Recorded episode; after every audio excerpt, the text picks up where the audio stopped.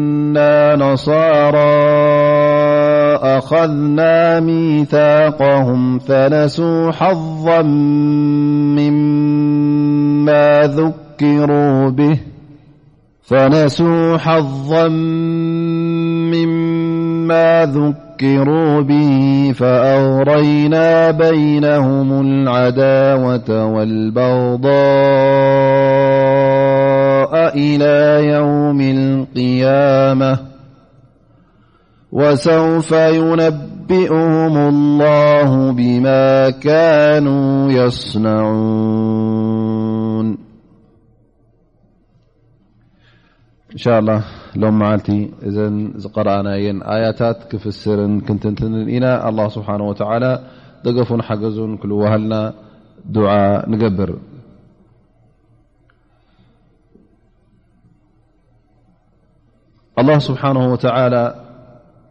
ኣብዛ ኣያ መበል ቁፅሪ ዓሰርተ ሓደ ዝጀመርናያ ፃውዒቱ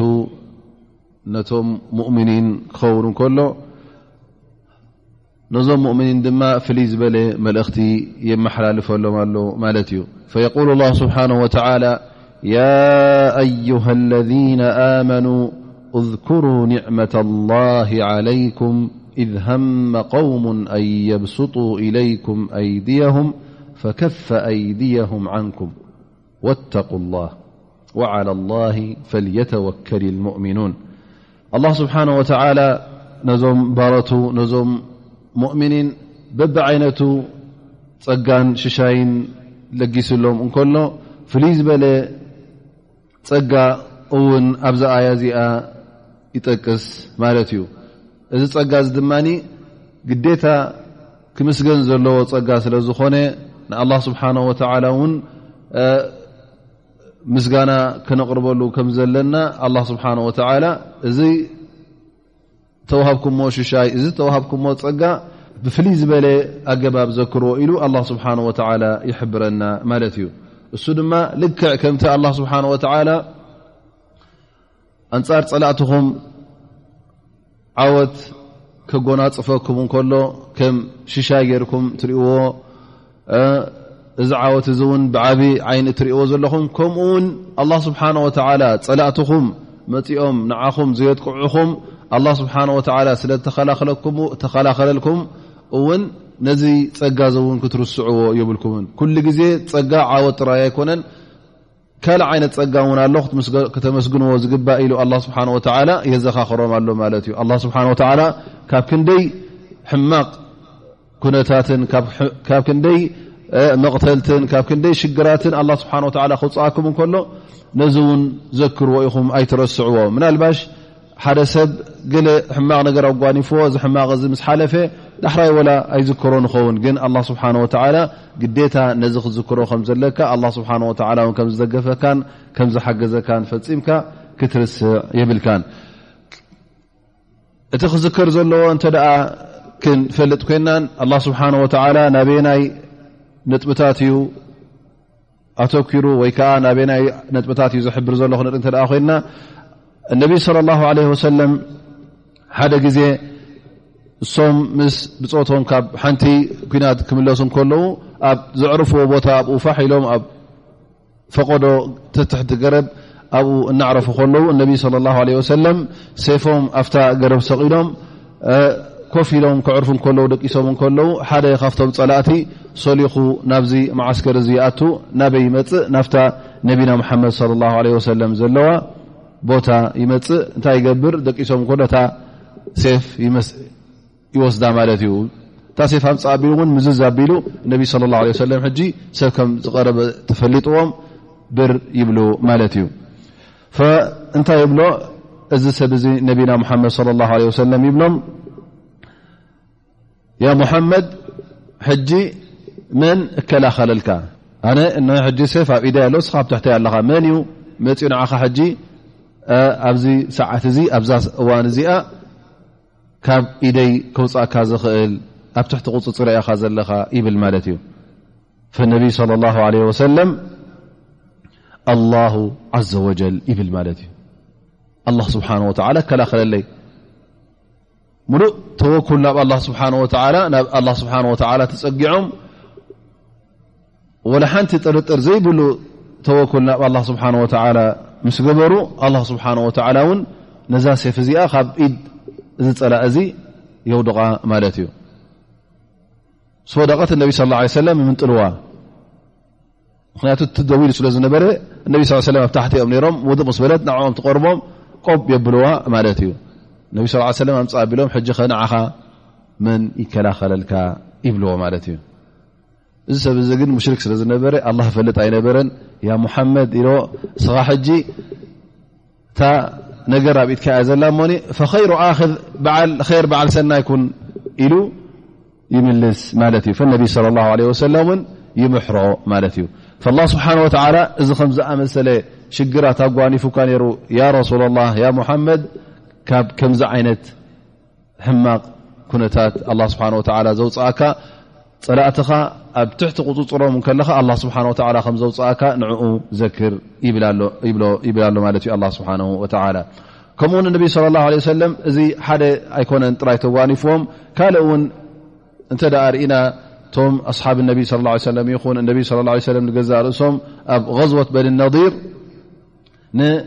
ወይ ከዓ በኒ ነር መፂኦም ኣብቶም ኣይሁዳውያን ዘለዎ ቦታ ስምምዕ ነርዎም ኣብ መንጎኦምን ኣብ መንጎ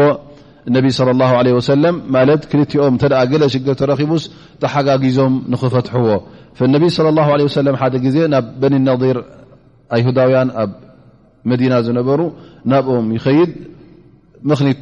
መኸዲኡ ድማ ካብ ኣስሓብ ነቢ صለ ላه ለ ሰለም ክልተ ሰብ ተቐትሎም ኣሓብ ነቢ ዘይኮኑ ተቐትሎም ኣስሓብ ነቢ ስ ሰለም ቶም ብፆት ነቢና ሓመድ ስ ሰለም ብጌጋ ንካልኦት ሰባት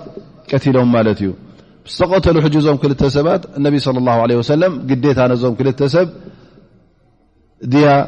ጋር ነብሲ ንክኸፍል ስለተገደደ ነቢ صለ ላه ለ ሰለም ጋር ነብሲ ክእክብ ካብቶም ኣስላም ይእክብ ነይሩ ከምኡውን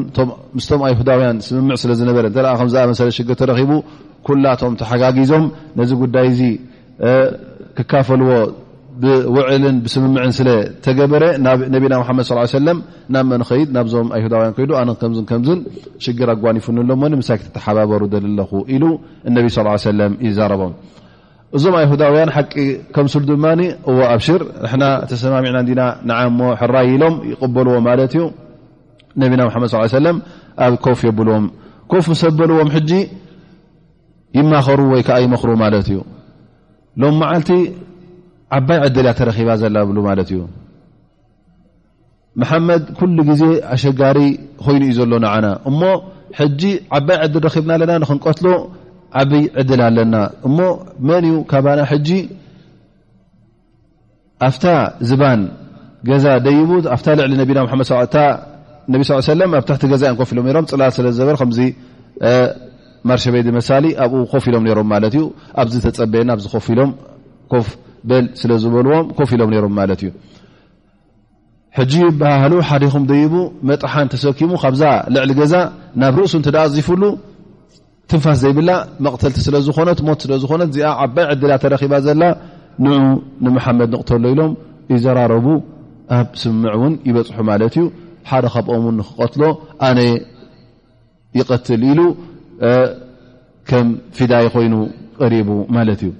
ኣብዚ ሰዓት እዚ ኣላ ስብሓን ወተላ ነቢና ሓመድ ስ ሰለም እንታይ ዓይነት ውዲት ይግበር ከም ዘሎ ከም ስለ ዝሓበሮም እነቢ ለ ላ ለ ወሰለም ካብታ ኮፍ ኢሎማ ዝነበሩ ብድድ ኢሎም ይብገሱ ማለት እዩ ወላ እውን እቶም ምስኦም ዝነበሩ ብፆቶም ከም በዓል ኣብበክር ስዲቅ ዑመር ብጣብ ሮም ካልኦት ውን ሮም ምስኦም ዝመፁ ንዕኦም እውን እንታይ ከም ተረኽበ ነገርዎምን እንታይ ደኣ ኣብኡ ከለዉ ትኽ ኢሎም ይወፁ ማለት እዩ ንገዛእ ርእሶም በዓል ሰይድና ዑመር ይኹን ሰይድና ኣብበከር እቲ ጉዳይ ኣስደሚምዎም እነቢ ስ ሰለም ገለ ናብ ቀረባ ቦታ ዝኸዱ መሲልዎም ክብገሱ ከለዉ ርኦሞም ተተፀበዩ ተተፀበዩ ኣይተመለሶምን ማለት እዩ እንታይ ደኣ ኮይኑ ኢሎም ይብገሱ ናብ መዲና ገጾም ምስ ተበገሱ ገለ ሰባት ይረኽቡ በዚ ነቢ ስ ሰለም ክሓልፍ ኣይረኣኹሞ እባ ኣንተ ወይ በዚ ንመዲና ገጹ እንዲ ደኣ ከይዱ ይብልዎም ማለት እዩ ሕጂ ደድሕሪኦም እቶም በዓል ሰይድና ዑመር ይርክቦም ነቢና ሙሓመድ ለ ላ ለ ሰለም እንታይ ኮንካ ደኣ ተበጊስካ እንታይ ኮንካ ደኣ እቲ ነገር ዲ ዝፀብኻ ክሳዕ ዝቡና ኢሎም ይሓትዎም ፈነቢ ስለ ላ ለ ሰለም እንታይ ዓይነት ውዲ ትግበር ከም ዝነበረ ንምንታይ ከም ዝመኸሩ ኣላ ስብሓን ወተላ ከም ዝነገሮ ጅብሪል ከም ዝለኣኸሉ ይሕብሮም ማለት እዩ ኣላ ስብሓን ወተላ ከምዚ ከምዚ ዝኣመሰለ እውን ሽግራት ኣጓዲፉካ ነይሩ ኣብዚ ሰዓት እዚ እውን ንመቕተልቲ ቅሩብ እዩ ተሪፉካ ነይሩ እሞ እቲ ኣላ ስብሓን ወተላ ካብዚ መቕተልቲ እውን ዘውፃእካ ዘክሮ ኢሉ ኣላ ስብሓን ወተላ ብፈለማ መጀመርያ ነቢና ሙሓመድ ለ ለ ሰለም ከምኡውን ነቶም ሙሉእ ሰዓብቲ ነቢና መሓመድ ስ ሰለም ከምኡ ውን ነቶም ኩሎም ሙእምኒን ዘገድስ ጉዳይ ስለ ዝኾነ እዚ ጉዳይ እዚ ምናልባሽ ሓደ ሰብ ኣላ ስብሓን ወተላ ኣብ ዝኾነ ይኹን ሽግር እተ ኣጓኒፍዎ ውን እንተ ካብ ሽግር እዚ ኣላ ስብሓ ወ ኣውፅኡካ ክትዝክር ኣለካ ማለት እዩ ግን ኣብዚኣ ኣያ እዚኣ ብ ሕልፊ ኣይና ኣጠቅስ ዘላ እቶም ፀላእትኹም ንኽቐትልኹም ንዓኹም ንኸጥፍኡ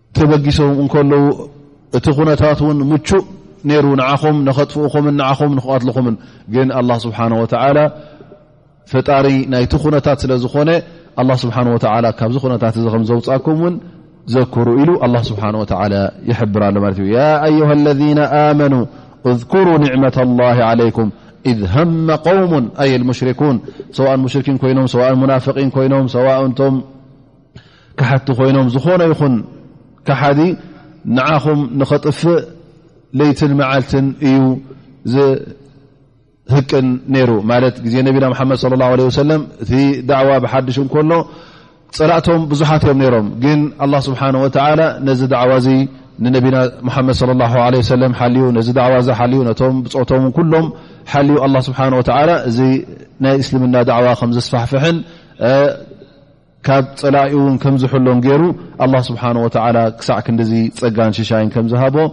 ኣይትረስዑ ይብለና ኣሎ ማለት እዩ እذ ሃማ ቀውሙን ኣየብስጡ ኢለይኩም ኣይድም የብስጡ ኢለይኩም ኣይድም ማለት ከዓ ኢዶም ሰዲዶም ንክቀትልኹም ማለት ኣብ ልዕሌኹም ፀብለልትነት ንክርእዩ ቀረበ እያ ነይሮም ላኪን ኣላ ስብሓን ወተላ ፈከፈ ኣይድም ዓንኩም ኢዶም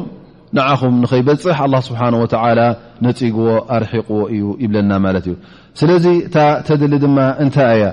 የቁል ላ ስብሓን ወተላ ነዛ ኣያ እዚኣ ክድም ድማ እንከሎ ቀዳማይ ነገር ወተቁ ላህ ኩሉ ግዜ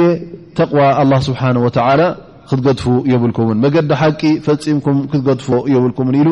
ኣላ ስብሓን ወተዓላ ይእዝዘና ኣሎ ማለት እዩ ኣብ ርእሲኡ ድማ ካብ ጸላእኹም ዘናግፈኩምን ካብ ሕማቕ ነገራት ውን ዘውፅኣኩም እንታይ እዩ ኣላ ስብሓን ወተዓላ ወዓላ ላሂ ፈልየተወከል ልሙእሚኑን እቲ ተወኩል ኣድላይ ከም ምኳኑ ኣላ ስብሓን ወተዓላ እውን እዚ ተወኩል እዚ እሱ እዩ ንዓኹም ካብ ጸላኢኹም ዘውጽኣኩም ኢሉ በዚ ትእዛዝ እዚ ነዛ ኣያ እዚኣ ይድምድማ ማለት እዩ ኣላ ስብሓን ወተላ ስለዚ ናብ ኣላ ስብሓን ወተላ እንተ ተጸጊዕካ ናብ ኣላ ስብሓን ወተላ እንተ ፍፁም ተወኩል ጌርካ ኣላ ስብሓን ወተላ ዝኾነ ይኹን ነገር እንተ ኣጓኒፉካስ ካብኡ ከውፅኣካ ከም ዝኽእል ካብ ዝኾነ እከይ ነገር ክሕለወካ ከም ዘኽእል ካብ ዝኾነ ሕማቕ ነገር እውን ኣላ ስብሓን ወተላ ክከላኸለልካ ከም ዝኽእል እዩ ዝሕብር ዘሎ ማለት እዩ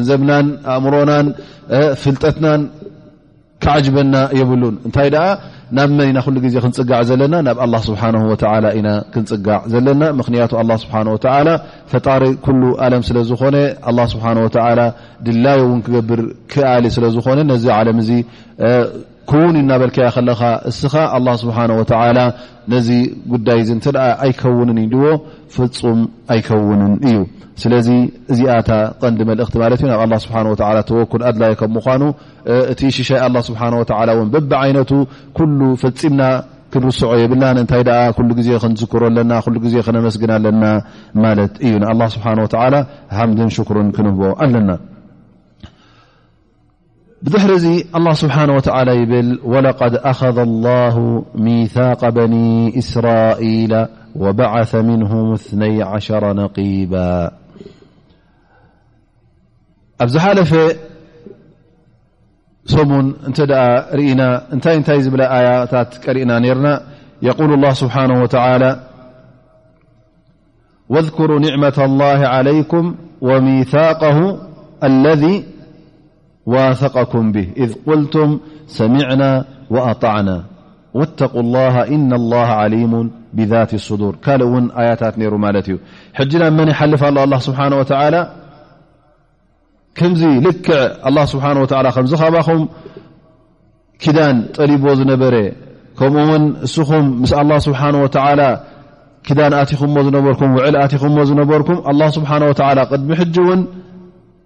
ከምዚ ዓይነት ኪዳን ምስ ኩሎም ቶም ባሮቱ ምስ ኣይሁዳውያን ይኹኑ ምስ ክርስትያን ይኹን ምስ ኩሎም ኪዳን ቃልን ተኣታትዩ ዩ ነይሩ ማለት እዩ ላ ስብሓን ወተላ ቀዳማይ ነገር ናይቶም ኣብ ግዜ ነቢና ሙሓመድ ስ ሰለም ነበሩ ናይ ኣስላም እቲ ኡቦኦምን ኣብ መንጎ ነቢና ሓመድ صለ ه ለ ሰለም ዝነበረ ናይ ውዕል ናይ ስምምዕ ነቢና ሓመድ ስ ሰለም ክኣምንሉ ከም ምዃኖም ብኣላ ስብሓን ወላ ክኣምኑ ምኳኖም ነቲ ትእዛዝ ኣብ ግብሪ ከውዕሉ ከም ምኳኖም እዚ ኩሉ ቃል ኣትዮምሉ እዮም ነይሮም ኣብ ርእሲኡ እውን ኣላ ስብሓን ወተላ ብብዓይነቱ ትእዛዛት ኣሕሊፉ ነይሩ ማለት እዩ ዝሓለፈ ኣየታት ዝቀረእናዮ ማለት ክንምስክር እንተ ኮይና ኩሉ ግዜ ሓቂ ክንምስክር ከም ዘለና ኩሉ ግዜ መገዲ ፍትሒ ክንሕዝ ከም ዘለና በቢ ዓይነቱ ሽሻይን በቢ ዓይነቱ ፀጋን ውን ከም ዝለገሰልና እዚ ኩሉ ምስ ሓበረ ኣላ ስብሓን ወተላ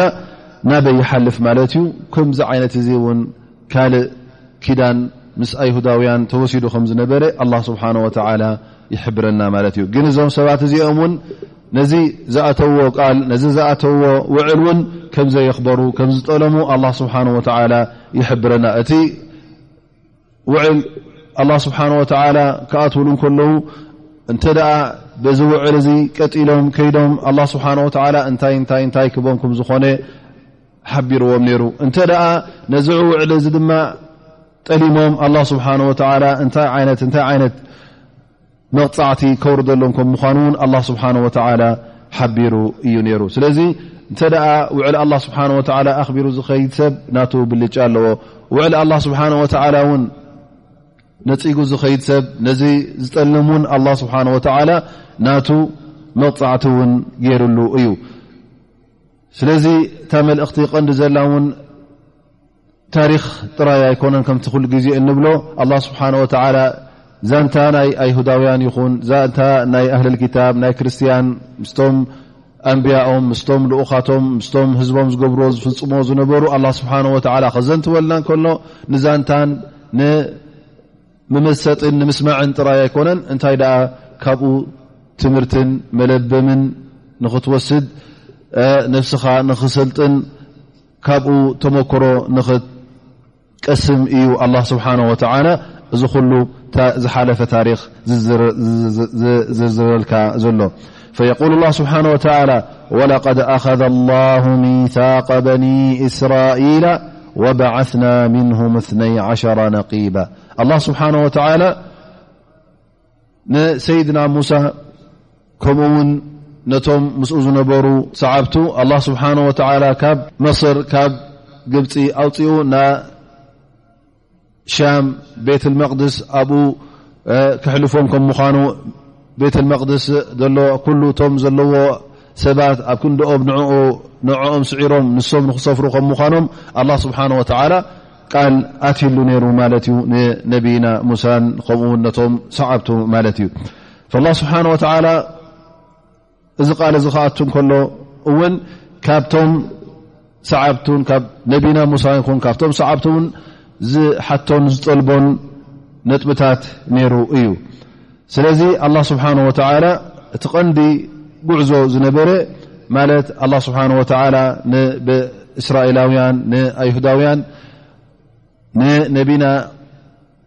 ሙሳ ስለ ተኸተሉ ኣላ ስብሓን ወተላ ንዕኦም ውን ቃል ኣትዎም ነይሩ እዞም ሰባት እዚኦም ኣላ ስብሓን ወተላ በቢ ዓይነቱ ሽሻይ ንኽቦም እታ ዝዓበየ ሽሻይ ካብቲ ብሕማቕ ዝነብርዎ ዘለዎ ከም ባሮት ኮይኖም ዝነብርዎ ዝነበሩ መሬት ግብፂ ኣውፅኡ ናብ ቤት ልመቅድስ ኣላ ስብሓን ወተዓላ ኣብኡ ልኢኹ ኣብኡ ናቶም መንግስትን ናቶም ዓድን ገይሮም ባዕሎም ነንሕዶም ንኽመሓደሩ ከም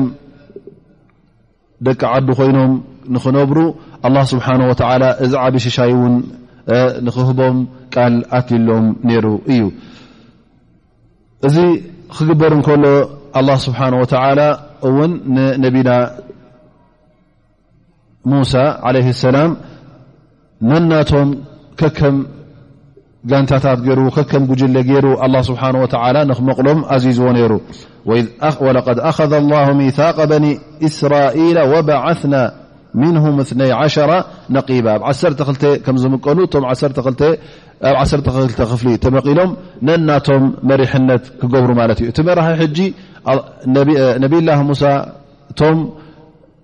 ንኣላ ስብሓን ወተዓላ ውዕል ንክኣትዎ ተኣዘዙ እቶም ከም መራሕቲ ኮይኖም ተቖፂሮም ዘለዉ ማለት እዩ ምክንያቱ እሶም ኣብ ክንዲቶም ሰዓብቶም መራሕ ናይ ሓደ ጉጅለ ኮይኖም ነቲ ምስኦም ዘሎ ጉጅለ ኣብ ክንድኡ እንተ ደኣ እሶም ቃል ኣትዮም ኩሉ እቲ ምስኦም ዘሎ ሰዓቢ ተኸታሊ ምስኦም ኣትዩ ማለት እዩ ሊክ እነቢ ስለ ላ ለ ወሰለም እውን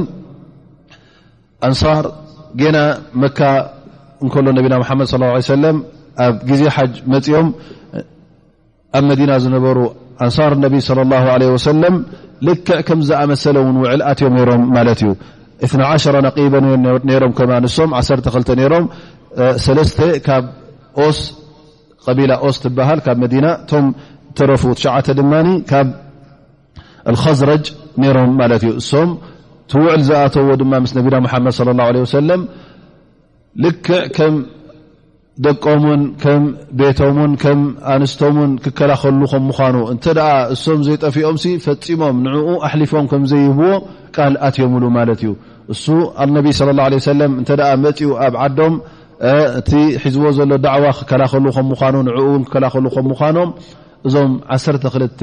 ሰባት ነቢና ሙሓመድ ስ ሰለም ዝረኸብዎ ዓሰርተ ክልተ ነቒብ ማለት ዓሰርተ ክልተ ሓለፍቲ ብስሞምን ብስምቶም ብድሕሪኦም ገዲፎሞም ዘለዉ ካብ ቤተሰቦም እዚ ውዕሊ እዚ ኣትዮምሎም ነይሮም ማለት እዩ ልክዕ ከምዚ ነገር እዚ እውን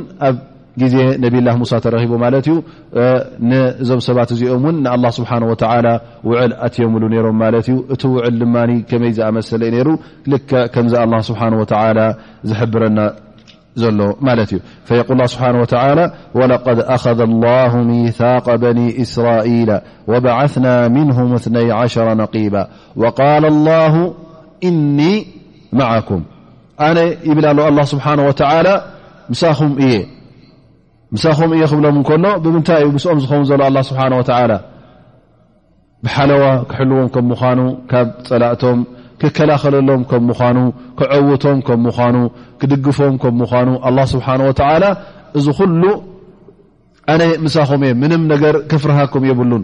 ኣብ ዝኾነ ጉዕዞ ምሳኹም ኣለኹ ኣነ እየ ደገፍኩም ኣነ እየ ሓለዋኹም ኢሉ ኣላ ስብሓን ወተላ ቃል ኣትሎም ማለት እዩ ግን እዚ ኩሉ መዓስ እዩ ዝርከብ መዕየት ላ ስብሓን ወተላ እቲ ኣላ ስብሓን ወላ ምሳኹም እየ ዝብሎ ዘሎ እንታይ ምስ ኮነ እዩ መዓስ እዩ ዝርከብ ትናቱ ቅድሚ ኩነት እውን ኣላ ስብሓን ወተላ ይሕብሮም ኣሎ ማለት እዩ እኒ መዓኩም መዓስ ለኢን ኣቐምቱም ሰላ ቀዳማይ ነገር እታ ሰላትኩም ቀጥ ኣቢልኩም ክትሕዝዋ ሰላትካ ቀጥ ኣቢልካ መሓዝ ማለት ድማ ኩሉ ፈርዳ ዘሎ ሸርጣ ዘሎ ኣገባባ ዘሎ ግዜኣ ሓሊኻ መዓልታ ሓሊኻ ኩሉ ኩነታታ ኣማሊእካ ክትሰግዳ ከለኻ እዚ ዩ ኢቃመት ሰላት ዝበሃል ኢቃማ ማለት ደው ክትብላ ከለኻ ነዛ ሰላት እዚኣ ጎባጥ ሰላት ክትከውን የብላን እንታይ ኣ ትኽ ዝበለት ሰላት እንተ ኣ ሓንሳ ሓንሳ ትድንጉ ሓንሳ ሓንሳ ገለ ካብቲ ዋጅባት ተጉድል ገለ ካብቲ ሱና ተጉድል እተ ኮይንካ እዛ ሰላት ብሓቂ ደው ኢላ ማለት ኣይኮነን እንታይ ኣ ቁሩብ ጉብጣ ኣላ ማለት እያ ገሊኦም ድማ ጥራይ ምጉባጥ ኣይኮነን ዝራዕ ኣቢሎም ዘብድቕዋ ውን ኣለ ዘይሰግድ ሰብ ኣሎ ክሰግድ ከለዉ ውን ሩክንን ፈርድን ዝገድፍ እንተ ኮይኑ እታ ሰላት ኣይኮነን ዶ ኢቃማ ክትበሃልስ ንገዛ ርእሳ ራዒላ ፀዲፋ ማለት እዩ ላ ስብሓን ወላ እታ ቀዳመይቲ ቃል ዝወስደሎም ዘሎ እታ ውዕል ዝኣተወሎም ዘሎ ኣነ ምሳኹም የሎም ግን ቀዳማይ ነገር ሰላትኩም ቀጥ ኣቢልኩም ክትሕዙ ኣለኩም እንተ ደኣ ገለ ጎዲላ እንታይ ማለት እዩ ኣነ ምሳኹም ኣይኮንኩም ለኢን ኣቐምቱም ኣሰላة ወኣተይቱም ኣዘካة ከምኡ ውን እቲ ዘካት እቲ ንድኻ ንዝሰኣነ ሰብ ፈቂር ንምስኪን ክወሃብ ዝግባእ ዘካት እውን ክትህቡ ኣለኩም ምኽንያቱ እዚ ገንዘብ እዚ ገንዘብኩም ኣይኮነን ኣላ ስብሓን ወተላ መሰል ናይቶም ድኻታት መሰል ናይቶም ስኡናት መሰል ናይቶም ጥሙያት መሰል ናይቶም ገያሾ እብኒ ሰቢል መሰል ናይቶም ፊ ሰቢልላ ዝቃለሱ ምእንቲ ኣላ ኢሎም ዝቃለሱ እዚ ኩሉ ኣላ ስብሓን ወተላ እቶም ኣብ ሱረት ተውባ ዝጠቀሶም እቶም ዘካት ዝግብኦም መሰሎም ስለ ዝኾነ እንተ ደኣ ነዚ ገንዘብ ዘይትዎም ኮንኩም ዘይገንዘብ ከ ካ ትበልዕ ዘለኻ ማለት እዩ ባዕልኻ ደኺምካ ንፃዮ ድኣ እምበር ኣላ ስብሓን ወተላ ናቶም እዩ ካብ በለካ ክልተን ፈረቓን ካብ ሚእቲ ካብዚ ገንዘብካ ናቶም ይኸውን ማለት እዩ በዓል ጥሪት እትደኣ ኮይንካ ድማ ከምቲ ኣላ ስብሓን ወተዓላ ዝኣዘዞ ካብቲ ጥሪትካ ተውፅእ ማለት እዩ ስለዚ እዚ ገንዘብ እዚ እንተ ነዚ ገንዘብ ሓራም ትበልዕ ኣለኻ ኮይንካ ኣላ ስብሓን ወተዓላ ፈፂሙ ምሳኻ ኣይክኸውን እዩ ኣይክድግፈካን እዩ ኣይክሕግዘካን እዩ ኣይክሕልወካን እዩ ካብ ሓለዋ ኣላ ስብሓን ወተዓላ የለኻን ማለት እዩ ለኢን ኣቀምቱም ሰላተ ወኣተይቱም ዘካተ ወኣመንቱም ብሩሱሊ ከምኡ ውን በቶም ኩሎም ልኡኻተይ እውን ክትኣምኑ ኣለኩም እቲ ሒሶም ሒዞሞ ዝመፁ ሓቂ ከም ምኳኑ ክትኣምኑሉ ኣለኩም ብሓደ ነቢ እውን ምእማን እውን እኹል ኣይኮነን ብነቢ መሓመድ ለ ላ ሰለም እየ ዝኣምን እቶም ካልኦት ኣንቢያ ናተይ ኣይኮኑን ዝብል እንተ ኮይኑ እውን ኢማኑ ቅቡል ኣይኮነን ምኽንያቱ ኣላ ስብሓን ወተላ ኩሎም ኣንብያ ኢሉ ኢኹ ኣብ ዝተፈላለየ ግዜ ይልኣከም ዳኣ እምበር እንተ ኣ ብኩሎም ክትኣምን ኮንካ ንሓደ እንተ ገዲፍካ ንኩሎም ነፅግካዮም ማለት እዩ ስለዚ ኣላ ስብሓን ወተዓላ ንበኒ እስራኤል መን ዩ ልኢኹሎም መን ልኡኽ ነይሩ ፍቲ ግዜ እቲ ነብላ ሙሳ እዩ ነይሩ ኣመንቱም ብሃذ ረሱል ኣይበሎም እንታይ ኣ ብሩሱል ዩ ኩሎም ልኡኻተይሲ ክትኣምኑሎም ኣለኩም እቶም ዝሓለፉ ይኹኑ እቶም ዝመፁ ብዒሳ ይኹን ውን ብነብላ ሙሓመድ እውን ብሕጂ እምነት ክህልወኩም ኣለዎ ኢሉ ኣላ ስብሓን ወተዓላ ቃል ኣትዩሎም ነይሩ ማለት እዩ ወኣመንቱም ብሩሱሊ ኩሉ ትሒዞሞ ዝመፁ ሓቂ ከም ምኳኑ ዋሓይ ከም ምኳኑ ብኣላ ስብሓን ወተላ ከም ተዋህቦም እውን ክትኣምኑ ኣለኩም እቲ ሶም ዝብልኹም እውን ኣላ ስብሓን ወተላ ዝኣዘዘ ዳኣ እምበር ባዕሎም ድላዮም ኮይኑ ደስ ኢልዎም ኣይኮነን ዝእዝዝኹም ዘሎ ኢንዋ ኢላ ዋሕዩን ይውሓ ነብይ ላ ስብሓን ወተላ ዝብሎ ሙሳ ኮይኑ ዒሳ ኮይኑ ሙሓመድ ኮይኑ ኩሎም ቶም ኣንብያ ዝብልዎ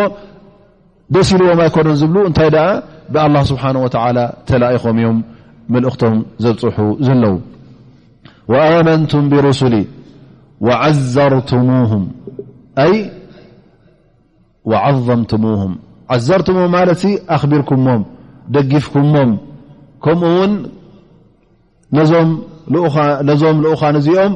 እቲ ዝግባእ ቦታ ክብሪ ክትህብዎም ኣለኩም ኢሉ ኣላ ስብሓን ወተላ ይሕብረና ኣሎ ማለት እዩ ስለዚ ኣንብያ ኩሎም ብዓይነ ሙእምን ኩሉ ግዜ ክቡራት እዮም ቦታኦም ልክዕ ከምቲ ናይ ዝኾነ ይኹን ኣስላማይ ናይ ዝኾነ ይኹን ሙእምን ቦታ ኣይኮነን እንታይ ደኣ ልኡል ቦታ ኣለዎም ኣብ ኣዱንያ ይኹን ኣብ ኣራ ኣንቢያ ክትጠቅስ እንከለኻ ኩሉ ግዜ ዓለይህም ሰላም ኢልካ ለ ላ ለ ወሰለም ናልካ ክትጠቕሶም ኣለካ ቃሎም ክትዝክር እንከለኻ ዝገብርዎ ዝነበሩ ስራሓት ክትዝክር እንከለኻ ኩሉ ግዜ ብኽብሪ ክትዝክሮም ኣለካ እምበር ኣብኡ ከለኻ ከም ዓርክኻን ከም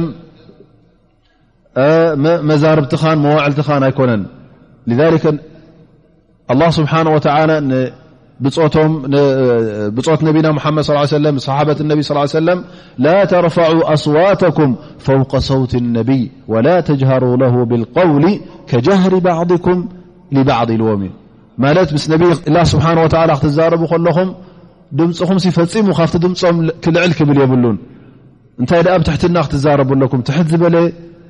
ቃል ጌርኩም ክትዛረብዎም ኣለኩም ድምፅኹም ክስማዕ የብሉን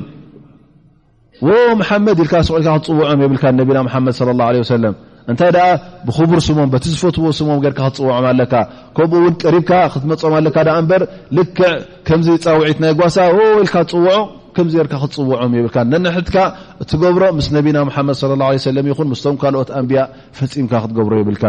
ስለዚ ክብሪ ናይ ኣንብያ ክሕሎ ኣለዎ ማለት እዩ ናይ ነቢና ሓመድ ص ሰለም ኮይኑ ናይቶም ካልኦት ኣንብያ ኩሎም ክብሮም ኣብ ልብናን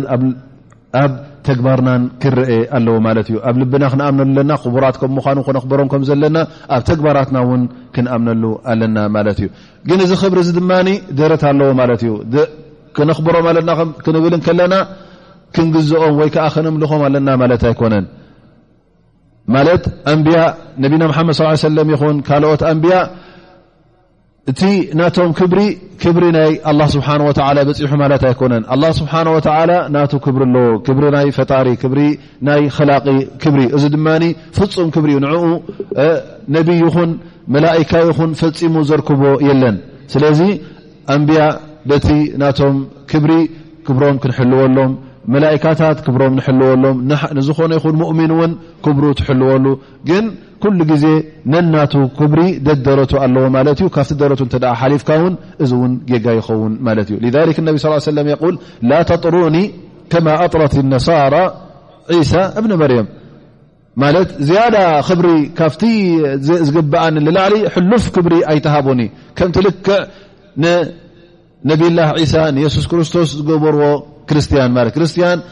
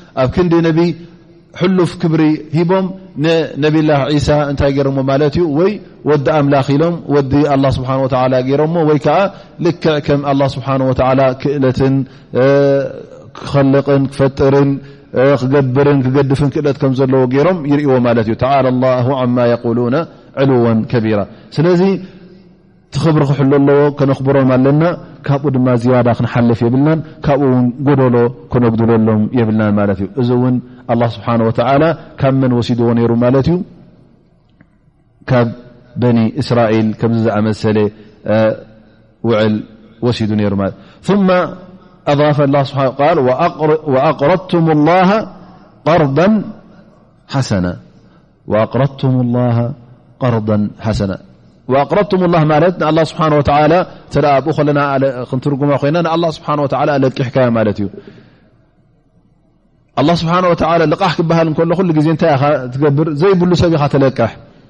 ግን ከምኡ ማለት ኣይኮነን ላኪን ኣላ ስብሓን ወተላ እቲ ትገብሮ ዘለኻ ግብሪ ዓብ ግብሪ ንምዃኑ ንክደፋፍኣካ ልክዕ እቲ ንመስኪን ትቦ ዘለኻ እቲ ሰደቃ ተውፅኦ ዘለኻ እቲ ሊላልካ ተውፅኦ ዘለኻ ልክዕ ከም ንኣላ ስብሓን ወተላ ኣሕሊፍካዮ ትፀንሕ ዘለኻ ፅባሕ ንግ ካብ ኣላ ስብሓን ወተላ ልክዕ ከም ዕዳ መሰልካ ከም ምዃኑ ናተይ ኢልካ ክትጣልበሉ ክትሓተሉ ከም ትኽእል ኣላ ስብሓን ወተላ ከምዚ ገይሩ የቕርበልካ ኣሎ ማለት እዩ እንተ ደኣ ከም ዝኣመሰለ ጌርካ ኣቅረድቱም ላሃ ቐርዳ ሓሰና ወህወ ኢንፋቅ ፊ ሰቢል ላ ልላ ኢልካ ተውፅኦ ገንዘብ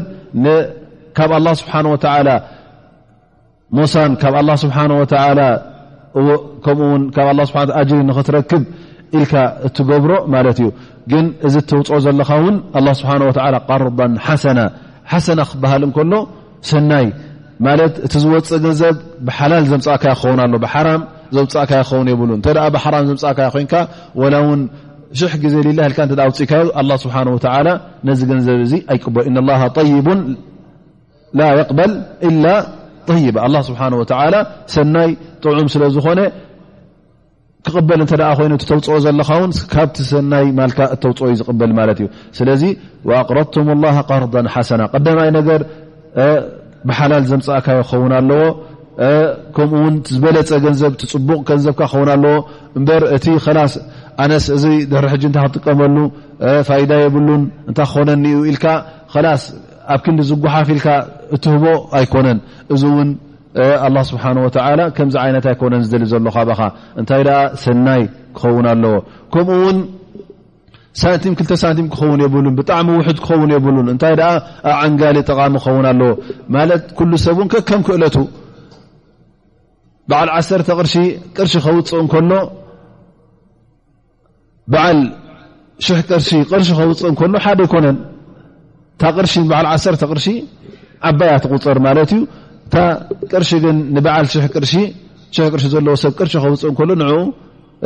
ቀላል ንእሽተይ እያ ትኸውን ማለት እዩ ስለዚ ከከም ክእለትካ ስለ ዝኾነ እቲ ተውፅኦ ዘለካ ድማ ምስቲ ዘለካ ክእለት ምስቲ ኣላ ስብሓን ወተዓላ ዝሃበካ ሽሻይ ምስኡ ዝመዛዘን ክኸውን ኣለዎ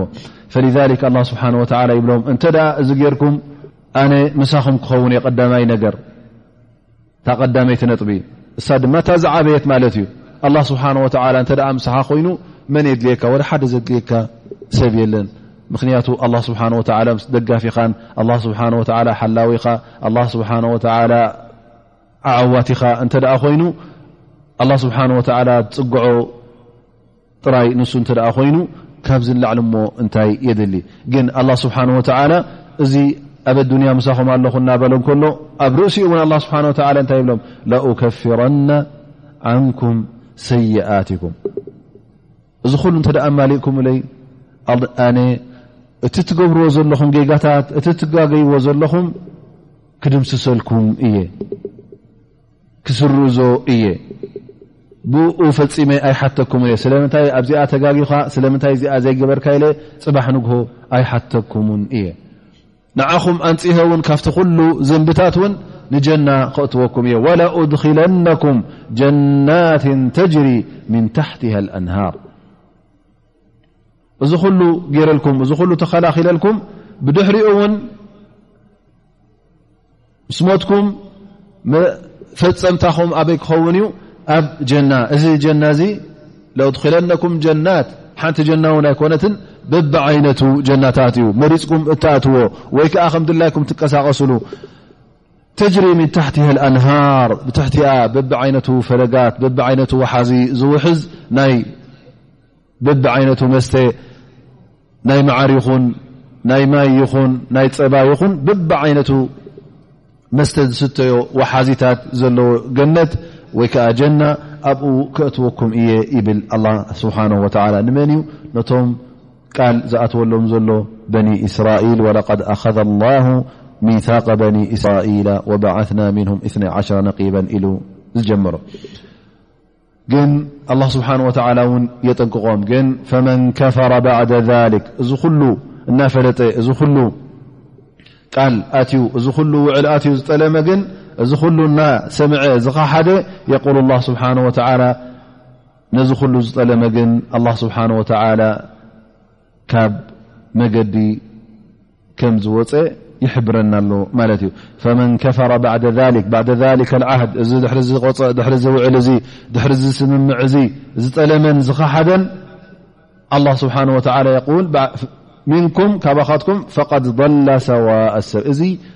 ፍጹም ጥፉእ ማለት እዩ መገዲ ዝጠፈኦ መገዲ ጀና ዘይፈልጥ መገዲ ረቢ ዘይፈልጥ እንታይ ደኣ ካብ መገዲ ሓቂ ወፅኡ ናብ መገዲ ጥፍኣት ዝኸደ ናብ መገዲ ሸጣን ናብ መገዲ ሸይጣን ዝተኣለየ እዩ ኣላ ስብሓን ወተላ እዚ እንተ ደኣ ጌርኩም እዚ እዩ ውሳእኔኹም ግን እቲ እንተ ጌርኩም ዝሓለፍ እተጠቐሰ እቲ ዝነገርኩኹም ኩሉ ናይ ኣዱንያ ዓወትን ናይ ኣኼራ እውን ጀናን ከምኡ ውን ምሕረትን ክትረኽቡ ኢኹም ኢሉ ኣላ ስብሓን ወተላ ብከምዚ ዝኣመሰለ ቃል ይኣትወሎም ማለት እዩ ግን በኒ እስራኤል ነቲ ኣላ ስብሓን ወተላ ዝሃቦም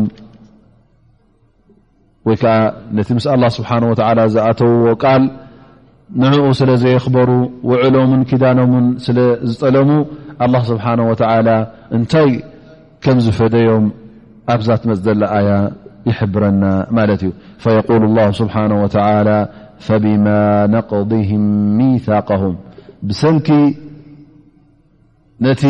ውዕሎም ብምጥላም ለዓናሁም እዚኣ ሓንቲ እያታ መጀመርያ ሕጂ ምስ መን ክነተኣሳሰር ኣለና ንሕና ጠቒስና ነርና እቲ ዝሓለፈ ሰሙን እውን ኣላ ስብሓን ወተዓላ ካብቶም ሙእምኒን ካብ እመት መሓመድ እውን ሰሚዕና ኣጣዕና ኢልና ሸሃደት ኣላ ላ ለላ ኢልና ንኣ ስብሓ ንኣምነሉ ከም ምኳና ነቢና ሓመድ ለ ላ ሰለ እታ ንገዛእ ርእሳ ኣሽሃዱ ኣላ ላ ኢ ላ ኣና ሙሓመዳ ረሱሉላ ትብላ ዘለካ እንታይ እያ እዚኣ ባዕልኻ ብመልሓስካ ቃል ትኣቱ ኣለኻ ማለት እዩ ኣላ ስብሓን ወተላ ጎይታኻ ከም ምኳኑ ንዕኡ ጥራይ ክተምልኽ ከም ምኳንካ ፈፂምካ ንዝኾነ ይኹን ኣካል ከምዘይተምልኽ ነቢና ሙሓመድ ለ ላ ለ ሰለም ን ልኡኽ ከም ምዃኑ እሶም ዘምፅልካ ውን ክትቅበል ከም ምኳንካ ጣዓ ክትገብር ከም ምኳንካ እዚ ንገዛ ርእሱ ባዕልኻ ቃል ኣቲኻዮ ማለት እዩ ኩሉ እቲ ነቢና ሙሓመድ ለ ላ ለ ሰለም ሒዞሞ ዝመፁ እቲ ክታብ ካብ ኣላ ስብሓን ወተላ ዝወረደ ቀጥ ኣቢልካ ንክትሕዞ በዚ ሸሃዳ እዚ ቃል ኣቲኻ ኣለኻ ማለት እዩ ምስ ኣላ ስብሓን ወተላ ስለዚ እንተ ደኣ ነዚ ቃል እዚ ብግብሪ ዘይወዓልካዮ ኸ ቅድሚ ሕጂ ንበኒ እስራኤል እንታይ ኣጓኒፍዎም ነይሩ ንኡ ክትዕዘብ ኣለካ እንተ ን ተዓዚብካ ተጠንቀቕ እስኻ ውን እንተ ከምኦም ነዚ ውዕል እዚ ትጠልም ኣለኻ ኮንካ ከምዚ ዝኣመሰለ መቕፃዕቲ እውን ከጓንፈካ ከም ምኳኑ እዩ ኣላ ስብሓን ወተላ ነዚ ታሪክ እዚ ዝተንተነልካ ዘሎ የል ላ ስብሓ ፈብማ ነቅድህም ብሰንኪቲ ጥልመቶም ሚታቀም ጥልመት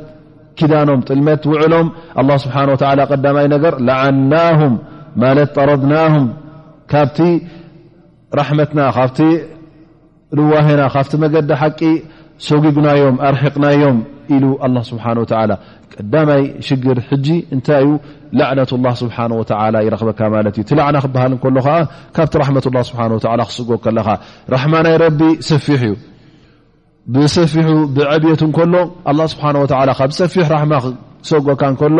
ብጣዕሚ ሕማቕ ይኸውን ማለት እዩ ራሕመት ላ ስብሓ እቲ ኢማንካ ንገዛርሱ ራሕማ ናይ ረቢ እዩ እቲ ትረኽቦ ዘለካ ሽሻይ ብራሕመት ላ ስብሓ ወተላ እዩ እቲ ትነብሮ ዘለካ ዕድሜ ብራሕመት ላ እዩ እሞ ኣየናይ ኢልካ ክውዳእ እቲ ናይ ኣላ ስብሓን ወተላ ራሕማ ስለዚ ቀዳማይ ነገር ኣላ ስብሓን ወተላ ለዓናሁም ይብል እዞም ሰባት እዚኦም ረጊምናዮም ኢና ክትርገም ከለኻ ኣላ ስብሓን ወላ ክረግመካ ከሎን ሰብ ክረግመካ ከሎን በበይኑ እዩ ስለዚ ኣላ ብዓብኡ እንተ ረጊሙካ ድማ ተስፋ ከም ዘይብልካ በዱንያ ይኹን ኣብ ኣራ ይኹን ክትፈልጥ ኣለካ ማለት እዩ ስለዚ እታ ቀዳመይቲ መቕፃዕቲ እንታይ እያ ላዓናሁም ላዕነት ላ ስብሓን ወተላ እንደገና ኸ ኣብ ርእሲኡ ድማ ወጀዓልና ቁሉባም ቃስያ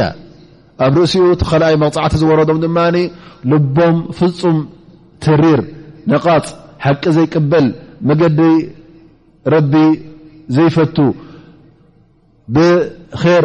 መፅእካ እተ መገዲ ር እዚ ኢልካ ብልምሉም ዘረባ ኣብፅእካ ልምሉም ዘረባ ይኣትዎ እተ ፈራሪህካዮም ፍርራህ ኣይጠቕሞም ስለዚ እተ ልቢ ተሪሩ እተ ነቓፅ ኮይኑ ልክዕ ከም ሓደ ሰብ ነቓፅ ዝብለዎ ብ ዓድና እንታይ ማለት እዩ ላስ ልቡ ዘይተርከሰ ተሪር ነቓፅ ልቢ እተ ኣለዎ ኮይኑ እዚ ሰብ እዚ መኺርካዮ ዘይቅበል ያዕ ኢልካዮ ዘይሰምዕ እተ ኮይኑ ትርፊ የብሉን ፋይዳ የብሉን ማለት እዩ ፈዞም ሰባት እዚኦም ኣላ ስብሓን ወተላ ከምዚ ገይሮም እዚ ካብ ኮነ እውን እንታይ ክገብሩ ጀሚሮም ማለት እዩ ልቦም ተሪኡ ኣላ ስብሓን ወተላ እውን ምስ ረጎሞም እንደገና እውን ናበይ ሓሊፎም ማለት እዩ ነቲ ኣላ ስብሓን ወተላ ዘውረዶ ክታብ እውን ክከበላሽዎ ተረኪቦም ማለት እዩ ሳኣት ኣይ ፈሰደት ፍሆምም ወሳኣ ተሰርፍም ነቲ ክታብ ኣላ ስብሓን ወተላ ብሕማቕ ተረድኦ ክርድእዎ ጀሚሮም ነቲ ኣያት ላ ስብሓን ወተላ እውን ክገላብጥዎ ጀሚሮም ማለት እዩ ነቲ ተፃሒፉ ዘሎ ኣብ ክንዲ ነቲ ናቱ ትርጉም ዝብዎ ባዕሎም ደስ ዝብሎም ትርጉም እናሃቡ ኣብ ዘይከውን ቦታ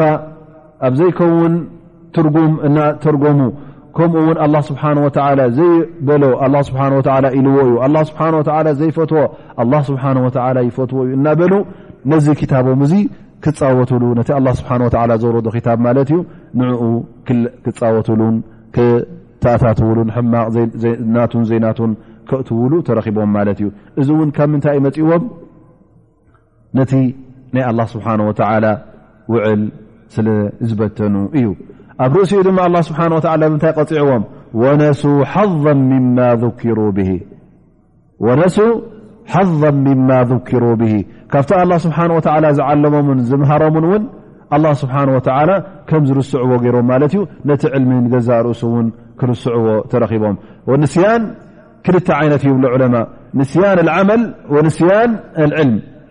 እዚ ገዛእ ርእሱ መቕፃዕቲ ማለት እዩ እተ ሓደ ሰብ ኣላ ስብሓን ወተላ ፍልጠት ሂቦ ነይሩ ኮይኑ ዕልሚ እተ ሂቦ ነይሩ ኮይኑ ነዚ ተዓለሙ ዕልሚ ነዚ ተምሃሮ ፍልጠት እንተ ረሲዑ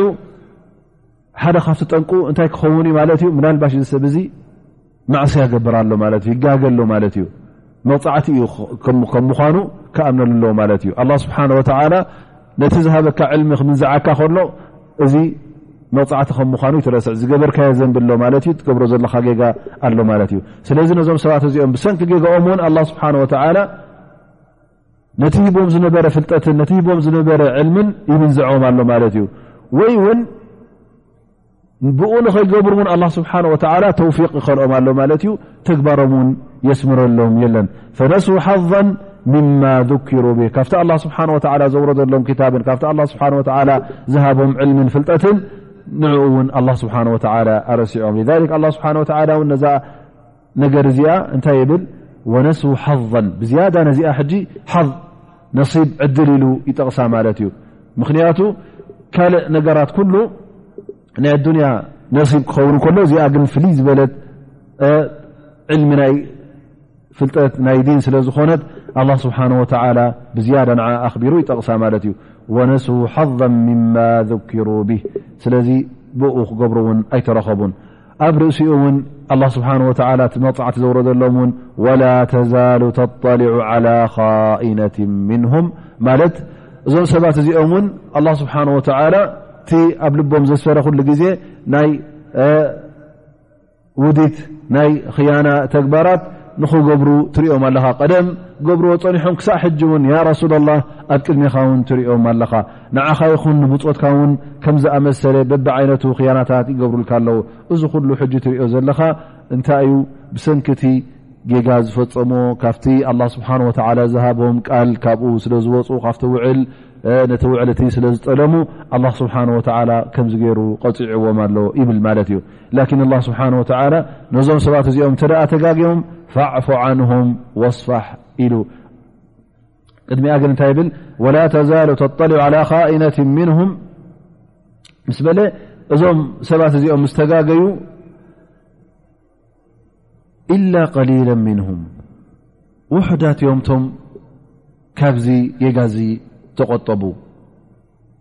እበር መብዝሕቶም ነቲ ውዕል ከም ዝጠለሙ ኣላ ስብሓን ወተላ ይሕብር ማለት እዩ ኢላ ቀሊለ ምንም ገለ ዑለማ ኢሎም እዞም ውሑዳት እዚኦም እቶም መገዲ እስልምና ዝመረፁ ኣብ ግዜ ነቢና ሓመድ ለ ላ ሰለም እዮም ብሉ ምክንያቱ ካብ ኣይሁዳውያን ናብ እስልምና ዝኣተዉ ብጣዕሚ ውሑዳት እዮም ነይሮም ማለት እዩ ብቕድሚኡ እውን ቅድሚ ነቢና ሓመድ ለ ላ ለ ወሰለም እቶም ብሓቂ መገዲ ኣላ ስብሓን ወተላ ሒዞም ቀጢሎም ዝኸዱ ዝነበሩ እውን ነቲ ኣላ ስብሓን ወተላ ዝሃብዎ ውዕል ቀጥ ኣቢሎም ከይጠለሙ ዝተጓዕዙ እውን ውሕዳት እዮም ነይሩም ኢሉ ኣላ ስብሓን ወተላ ነቢና ሙሓመድ ለ ላ ለ ወሰለም ይሕብሮም ኣሎ ማለት እዩ ሊክ ኣላ ስብሓን ወላ እዞም ሰባት እዚኦም እውን ጌጋ እንተ ደኣ ገይሮምኻ ፋዕፉ ዓንሁም ወስፋሕ ነዞም ሰባት እዚኦም ሸለል በሎም መሓሮም ምክንያቱ እዚ ድማ መዓስ ዩ ነይሩ ይብ ዕለማ ጌና ኣላ ስብሓን ወተላ ናይ ጅሃድ ትእዛዝ ከይኣዘዘ ከሎ ናይ ምክልኻል ትእዛዝ ብሴፍ ከይተኣዘዘ ከሎ ሽዑ ዝመፀኢ ዳኣ እምበር ድሕሪ ቃትሉ ለና ላ ዩእምኑና ብላ ወላ ብልውም ኣክር ትብል ኣያ ምስ መፀት ድሕሪ ኣነቢ ለ ላ ለ ወሰለም እንተ እቲ ጉዳይ ክመሓር ዘይከኣል እተ ኮይኑ ነቢና ሓመድ صለ ه ሰለም ይምሕሩ ይነበሩን እንተ ኣ ንኽመሓር ግን ክእለት ዘለዎ ኮይኑ ኣነቢ صለ ه ለ ሰለም ኣብ ክንዲ መቕፃዕቲ ምሕረት ንኽመርፁ ኣላ ስብሓን ወተላ ይሕብሮም ስለዚ ዘይመሓር ነገር እንተ ጉድኣት ናብ ሰብ ዝወረደ እተ ሩ ኮይኑ እተ ሽግር ዘምፀእ ሩ ኮይኑ ዝገበርዎ ስጉምቲ እዚ ዘይመሓር እተ ኮይኑ ይቕፅዑ ነሮም ማለት እዩ እንተ ግን ክመሓር ዝከኣል ኮይኑ ንኽመሓር እውን እተ ዕድል ኣሎ ኮይኑ ኣላ ስብሓን ወተላ ነቢና መሓመድ ክምሕር ከም ዘለዎ ይሕብሮ ምክንያቱ እንተ ተጋገየ ሰብ ኩሉ ግዜ እንተ ብፅቡቕ ዓይኒ ትምሕሮ እተ ኮይንካ ምናልባሽ እዚ ተግባር እ እዚ ሰናይ ተግባር እዚ ናብ መገዲ ሓቂ ይመርሖ ይኸውን ባዕ ሰለፍ የቁል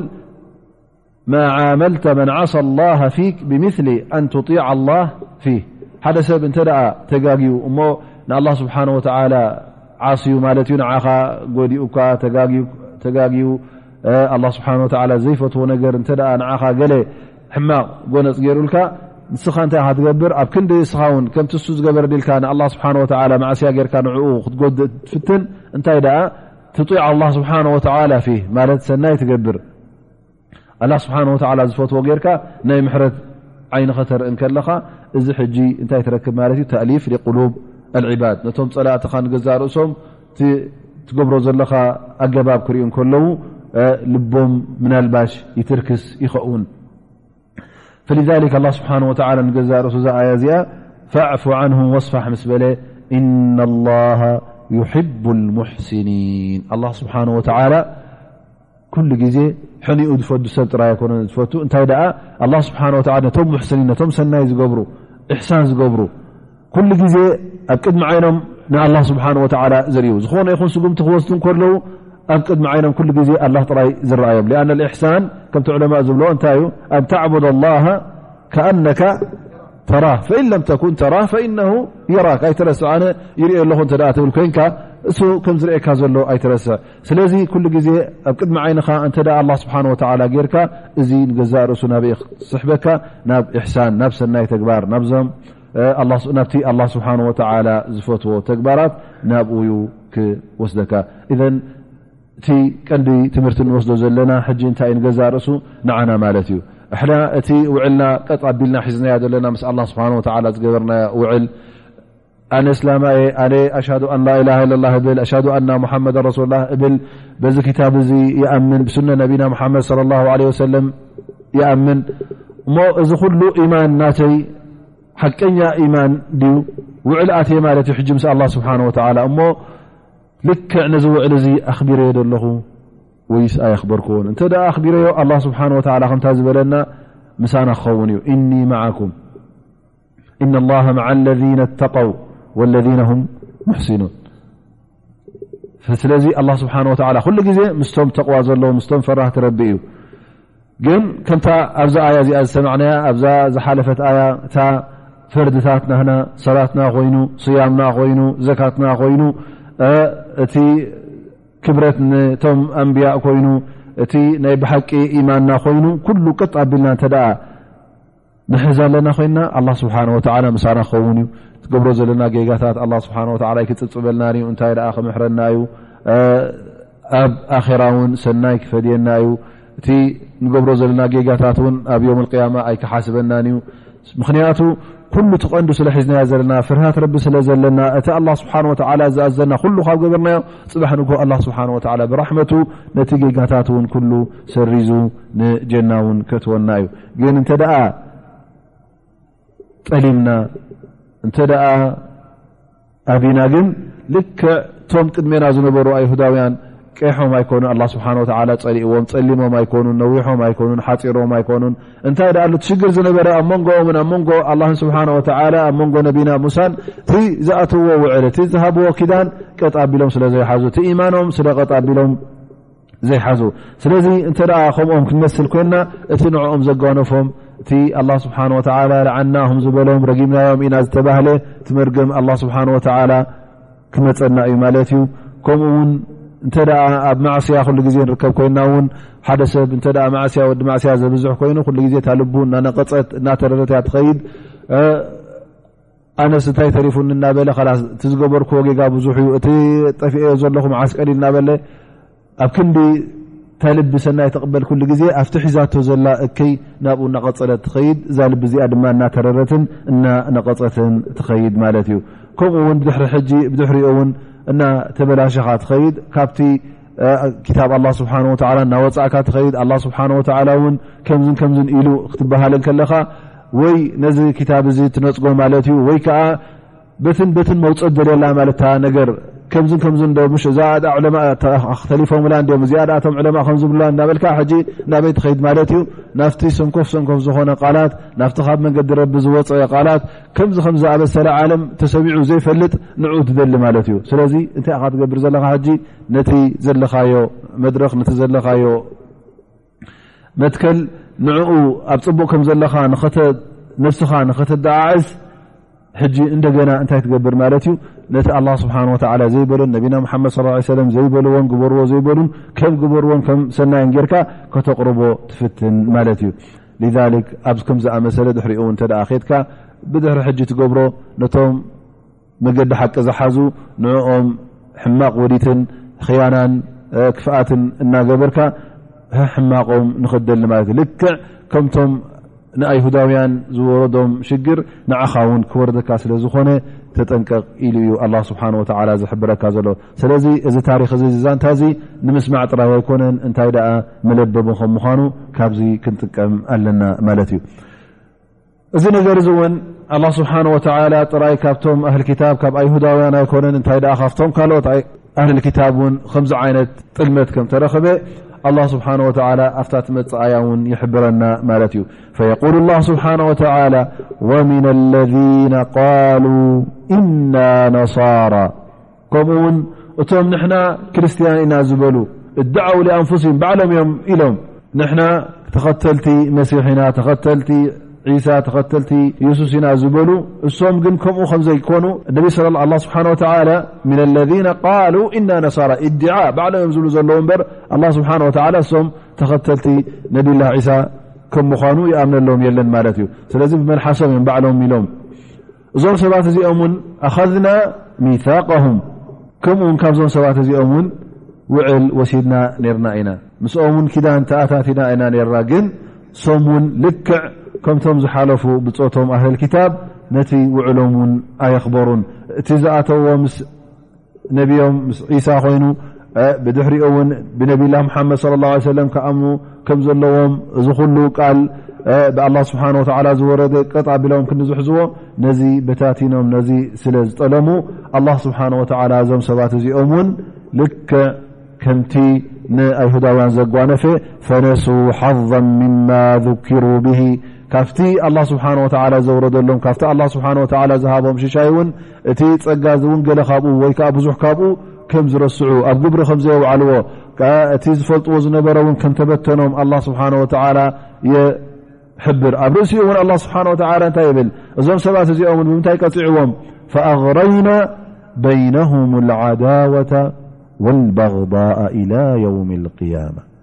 ፈኣغረይና በይነሁም ልዓዳወተ ወልበغዳء ኢላ የውም ልقያማ ኣብ ርእሲኡ ነዞም ሰባት እዚኦም እንታይ ወሲኽዎም ነንሕዶም ከም ዘይፋተዉ ነንሕዶም ከም ዘይፋቐሩ ከም ዝቃተሉን ከም ዝናቆቱን ገይርዎም ማለት እዩ እዚ እውን ቀፃሊ ዩ ክሳዕ ዮም ቅያማ እዚ እውን እተ ርእና ኣብቲ ናይ ክርስትያን እተ ርእና ኣብ መንጎ ተዋህዶን ኣብ መንጎ ከኒሻን ኣብ መንጎ በቢ ዓይነቶም ክፍልታት ናይ ክርስትና ዘሎ እተ ርእኻ ፈፂሞም ንንሕዶም ፍቕሪ የብሎምን እረ ብዝያዳ እውን ኣብ ምቅታልን ኣብ ምክንያቱ እንታይ እዮም ዝርኢ ሮም ንንሕዶም እኦም ክሓትዮም እኦም ክሓትዮም ዝብሉ ነይሮም ስለዚ ኣብ ምቅታል እውን ይበፅሑ ነይሮም ነዞም ሰባት እዚኦም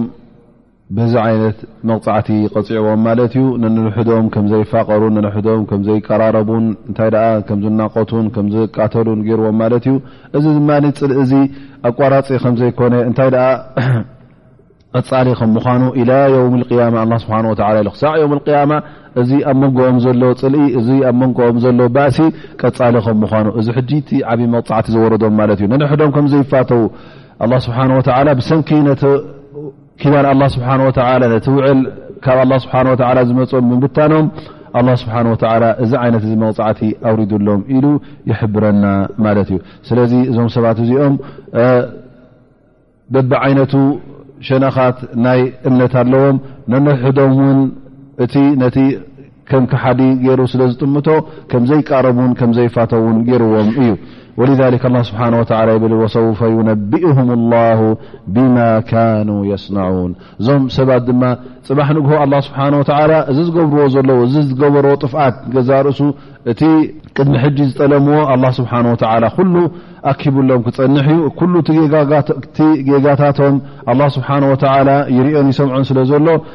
ፅባሕ ንግሆ ኣላ ስብሓን ወተላ ኣብ ዮም ልቅያማ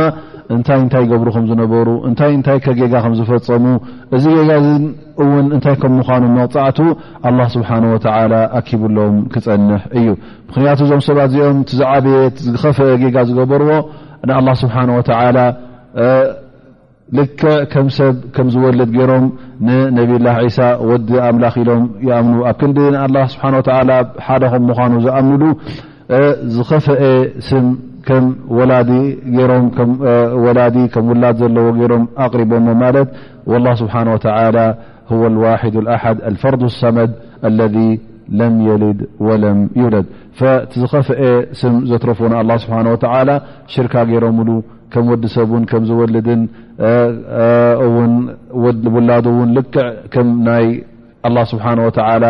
ክእለት ከም ዘለዉን ሽርካ ገይሮም ስለ ዘቕረቡን ተዓቢ ጌጋ ስለ ዝኾነ ኣላ ስብሓን ወተዓላ ፅባሕ ንግሆ ኣብ ዮም ልቅያማ ነዞም ሰባት እዚኦም በዚ ጌጋ እዚ ክቐፅዖም ከም ምዃኑ ይሕብር ማለት እዩ ልክዕ ወሰውፈ ዩነቢእሁም ላሁ ብማ ካኑ የስነዑን ክብል ከሎ እዚ ተህዲድ ማለት እዩ ነዞም ሰባት እዚኦም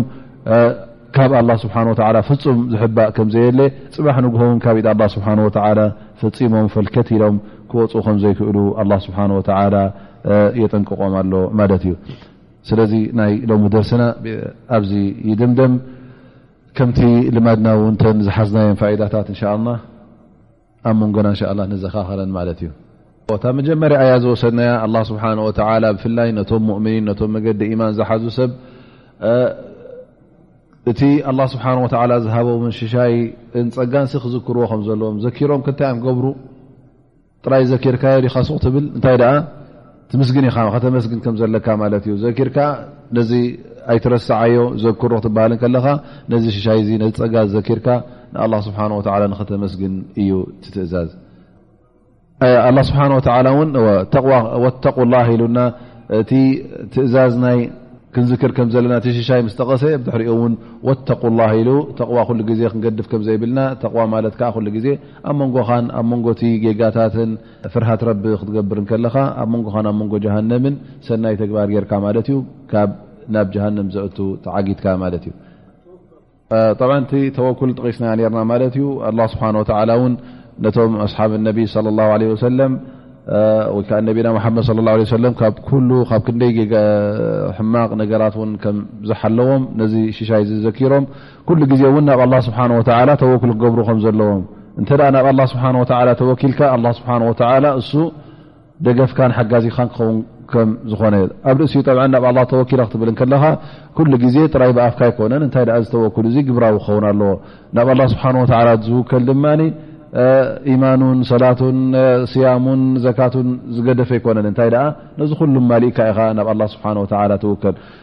ተወኪለ ክትብል ከለካ ድማ ንኩሉ ግዜ ሰበብ ክትገብር ኣለካ ማለት እዩ እበር ናብ ኣላ ስብሓ ወላ ተወኪለ ኢልካ እውን ኣብ ፀድፊ ትወድቕን ኢኻ ኣነ ናብ ኣላ ስብሓ ወ ተወኪለ ካብ ዓሽራይ ዶር ክወድቕ እየ ተ ትብል ኮይልካ እዚ ተወኩል ኣይኮነን እንታይ ደኣ ጥፍኣት ማለት እዩ እቲ ኣላ ስብሓ ወላ እውን ዝሓበረና ካብቲ ፋይዳ ዝሓዝናዮ ሓደ ሰብ ኣላ ስብሓ ወላ እንተ ምስ ክኸውን ኮይኑ እዚ እውን በቲ ምስቲ ውዕል ተኣሳሰረ ይኸውን ቲ ውዕል ድማ ኣ ስብሓ ዝኣዘካ ኩሉ ናይ ኢቃመት ሰላት ኮይኑ ናይ ዘካት ኮይኑ ናይ ካልእ ትእዛዛት ኣ ስብሓ ወላ ንኡ ቀጥ ኣቢልካ ክትሕዝ ከለካ ኢኻ እቲ ናይ ኣላ ስብሓ ወ ሽሻይ ትረክብ እ ናይ ኣላ ስብሓ ወ ምዕያ ማለት ኣ ስብሓ ምሳኻ ክኸውን ደጋፊኻ ክኸውን ኣላይኻ ክኸውንን ማለት እዩ ምስጋና ድማ ንኩሉ ግዜ ኣብ ዓወት ክትጎናፀፍ ጥራይ እንከለካ ኣይኮነን እንታይ ደኣ ካብ ሽግር እውን ክትወፅእ እንከለካ እዚ እውን ምስጋና የድልዮ ማለት እዩ ኩሉ ግዜ ዓወት ጥራይ ኣይኮነን ቲ ሽሻይ ወይ ፀጋ እንታይ ደኣ ብዙሕ ዓይነት ፀጋ እዩ ዘሎ ኣላ ስብሓን ወተላ ንገዛ ርእሱ ካብ ገለ ሕማቕ ነገር ከውፃእካ እንከሎ እውን ሓደ ዓይነት ናይ ሽሻይ ስለ ዝኾነ ግዴታ ንኣላ ስብሓን ወተላ ክተመስግነሉ ዝግበኣካ ሽሻይን ፀጋን እዩ እቲ ሚሳቅ እተዋህበ ወይ ከዓ እቲ ውዕል እተዋህበ ጥራይ ንበኒ እስራኤል ኣይኮነን ጥራይ ንክርስትያን ኣይኮነን እንታይ ደኣ እዚ ሚሳቅ እዚ ንኩሎም ፍጡራት ተዋህበ ዩ ንገዛ ርእሱ ንዓና ውን ነቶም ኣስላም ውን ልክዕ ከምዚ ዓይነት እዚ ውዕል ኣለና ማለት እዩ ምስ ኣላ ስብሓን ወተላ ዝኣሰርናዮ እዚ ውዕል እዚ ድማ ከነኽብሮ ግዴታ ይኸውን ኣብ ግብሪ ከነውዕሎ እውን ናይ ግድን እዩ እብል ኣሎ እቲ እስልምና ኣብቲ ግዜ ነቢና ሓመድ صለ ه ሰለ ይኹን ኣብቶ ግዜ ኣስሓብ ነቢ ስ ه ሰለ ቀጢሎም መገዲ ሓቂ ሒዞም ክኸዱ ከለዉ እቲ እስልምና ክሳዕ ኣበይ ከም ዝበፅሐ ከመይ ገይሩ ከም ዘስፋሕፍሐ ኣብ ታሪክ ርኢናዮ ኢና ግን ሕጂ እንተ ርኢና እቲ እስላማይ ቦትኡ ክንርኢ ከለና እቲ ናይ ምስሕፋሕ እስልምና ክንርኢ ከለና እናደኸመን እናኸፍአን ኣብ ሕማቕ ቦታ ናብ ሕማቕ መድረክን በፂሑ ሰንኩን ጠንቁን ድማ ክንፈልጥ እንተ ኮይና እቲ ሽግር ኣባና ከም ዘሎ ማለት ናይ ብሓቂ ነቲ ኣላ ስብሓን ወተዓላ ዝሃብናዮ ውዕል ቀጥ ስለ ዘይብልና እዩ ነቲ ናይ ኣላ ስብሓን ወተዓላ ዝሓተና ንኡ ኣብ ግብሪ ስለ ዘይውዓልና ኣብ ከምዚ ዝኣመሰለ ዓዘቕቲ ወዲቕና ንርከብ ይብል ስለዚ እቲ ቀንዲ ሽግር እንታይ ይኸውን ማለት እዩ ነቲ ኣላ ስብሓን ወተዓላ ዝሃበና ሚታቅ ንኡ ስለ ዘይሓፈዝና ንኡ ስለ ዘይሓለና እዩ እዚ እውን ኩነታት ናይ ኣስላማይ ኣብዚ ሕማቕ መድረኽ ወዲቑ ንረኽቦ ይብል ማለት እዩ ን እቶም ኣንብያ እቶም ልኡኻን ኣላ ስብሓን ወተዓላ ኩሎም ክብረቶም ክንሕልወሎም ኣለና ምን ለዱን ኣደም ካብ ኣደም ጀሚርና ክሳዕ ነብላ ሙሓመድ صለ ላ ለ ወሰለም ኩሎም ክብረቶም ክንሕልወሎም ኣለና ቦትኦም ክንፈልጠሎም ኣለና ግን ክብረቶም ድማ ካብቲ ኣላ ስብሓን ወተላ ዝወሰኖ ላዕሊ ክወፅእ የብሉን ከም ጎይቶት ከም ኣላ ስብሓን ወተላ ክብረት ክንህቦም የብልናን ማለት ኣምልኾት ክወሃቡ የብሎምን እንታይ ደኣ ትናቶም ውሱን ክብረት ክወሃቡ ግዴታ ይኸውን እቲ ኢንፋቅ ዝገብር ሰብ ኣቅሪዱ ላ ቀርዳ ሓሰነን ዝበልናዮስ ዝኾነ ይኹን ሰብሲ ከከም ክእለቱ ኣላ ስብሓን ወተላ ንገዛእ ርእሱ እቲ ዘካት ክፈርዶ ከሎ ውሱን ገንዘብ ኣይኮነን ተኣዚዙ ማለት ዝኾነ ይኹን ኣስላማይ ክንዲዚኣ የውፅእ ኣይተባህለን እንታይ ደኣ ካብቲ ገንዘብካ ክንዲዚ ካብ ሚትኻ ተውፅእ በዓል ሽሕ ኮይኑ በዓል ዓተ ሽ ይኑ በዓል ት ሽ ኮይኑ ከውፅእ እተ ኮይኑ ብዘካት ንኣብነት ክልተ ፈረቓን ካብ ሚት የውፅእ ማለት እዩ ክልተ ፈረቓ ከውፅእ ከሎ ኩሉ ከከም ብዝሒ ገንዘቡ ከውፅእ ማለት እዩ በዓል ዓተ ሽ ዘውፅአን ክልተ ፈረቓን ካብ ሚቲ በዓል ት ሽ ዘውፅአን ክልተ ፈረቓን ካብ ት ሕጂ ምስ ወፀ ንሽሙ ብሓደ ክልተ ፍርቓን ክበሃል እንከሎ ሓደ ግን እቲ ገንዘብ ክወፅእ እንከሎ እተፈለየ ይወፅእ ማለት እዩ ስለዚ ከከም ክእለትካ ውን ሌላ ልካ ክተውፅእ እንከለኻ ከከም ክእለትካ ከከም ዘለካ ገንዘብን ክኸውን ከም ዘለዎ ኣላ ስብሓን ወተላ ኣቅሪዱ ላ ቀርባ ሓሰነ ኢሉና ሰናይ ዝኾነ ገንዘብ እኹል ዝኾነ ገንዘብ ምስቲ እቶትካን ምስ ዘለካ ሃብትን ዝሰማማዕ ክኸውን እንከሎ እዚ እቲ ኣላ ስብሓን ወተላ ዘጠልቦ ኢዘን ሎም መዓልቲ እውን ካብታ ፋይዳ ዝወሰድና ንበኒ እስራኤል ነቲ ኣላ ስብሓን ወተላ ዝሃቦም ዓህድ ሚታቅ ከም ዘፍረስዎ ከም ዘይሓለውዎ ከም ዝጠለምዎ እዚኣ እውን ተረዲእና ን ዘካ ዝወፅእ ማል ወይ ሰደቃ ተውፅኦ ገንዘብ እውን ካብ ሓላል ክኸውን ኣለዎ ብል ብሓራም ዝኣከብካዮ ክኸውን የብሉን ን ላ ስብሓ ወላ ፋዕፉ ዓንሁም ወስፋሕ ስለ ዝበለና ሕማቕ ዝገበረካ ሰብ ኩሉ ግዜ ጥራይ ብሕማቕ ከምቲ ዝገበረኒ ክፈድዮ ይትበል እንታይ ደኣ ብሰናይ ክትፈድዮ ከለኻ እዚ ዝያዳ ቀዳማይ ነገር ኣጅር ኣለዎ ካልኣይ ነገር ድማ ነቲ ሰብእቲ ክጠቕሙ ማለት እዩ ኣብ ክንዲ ጌጋ ድህሪ ሕጂ ካባኻ ክምሃር ማለት እዩ ናብ መገዲ ሓቂ ትመርሖ ኣለኻ ማለት እዩ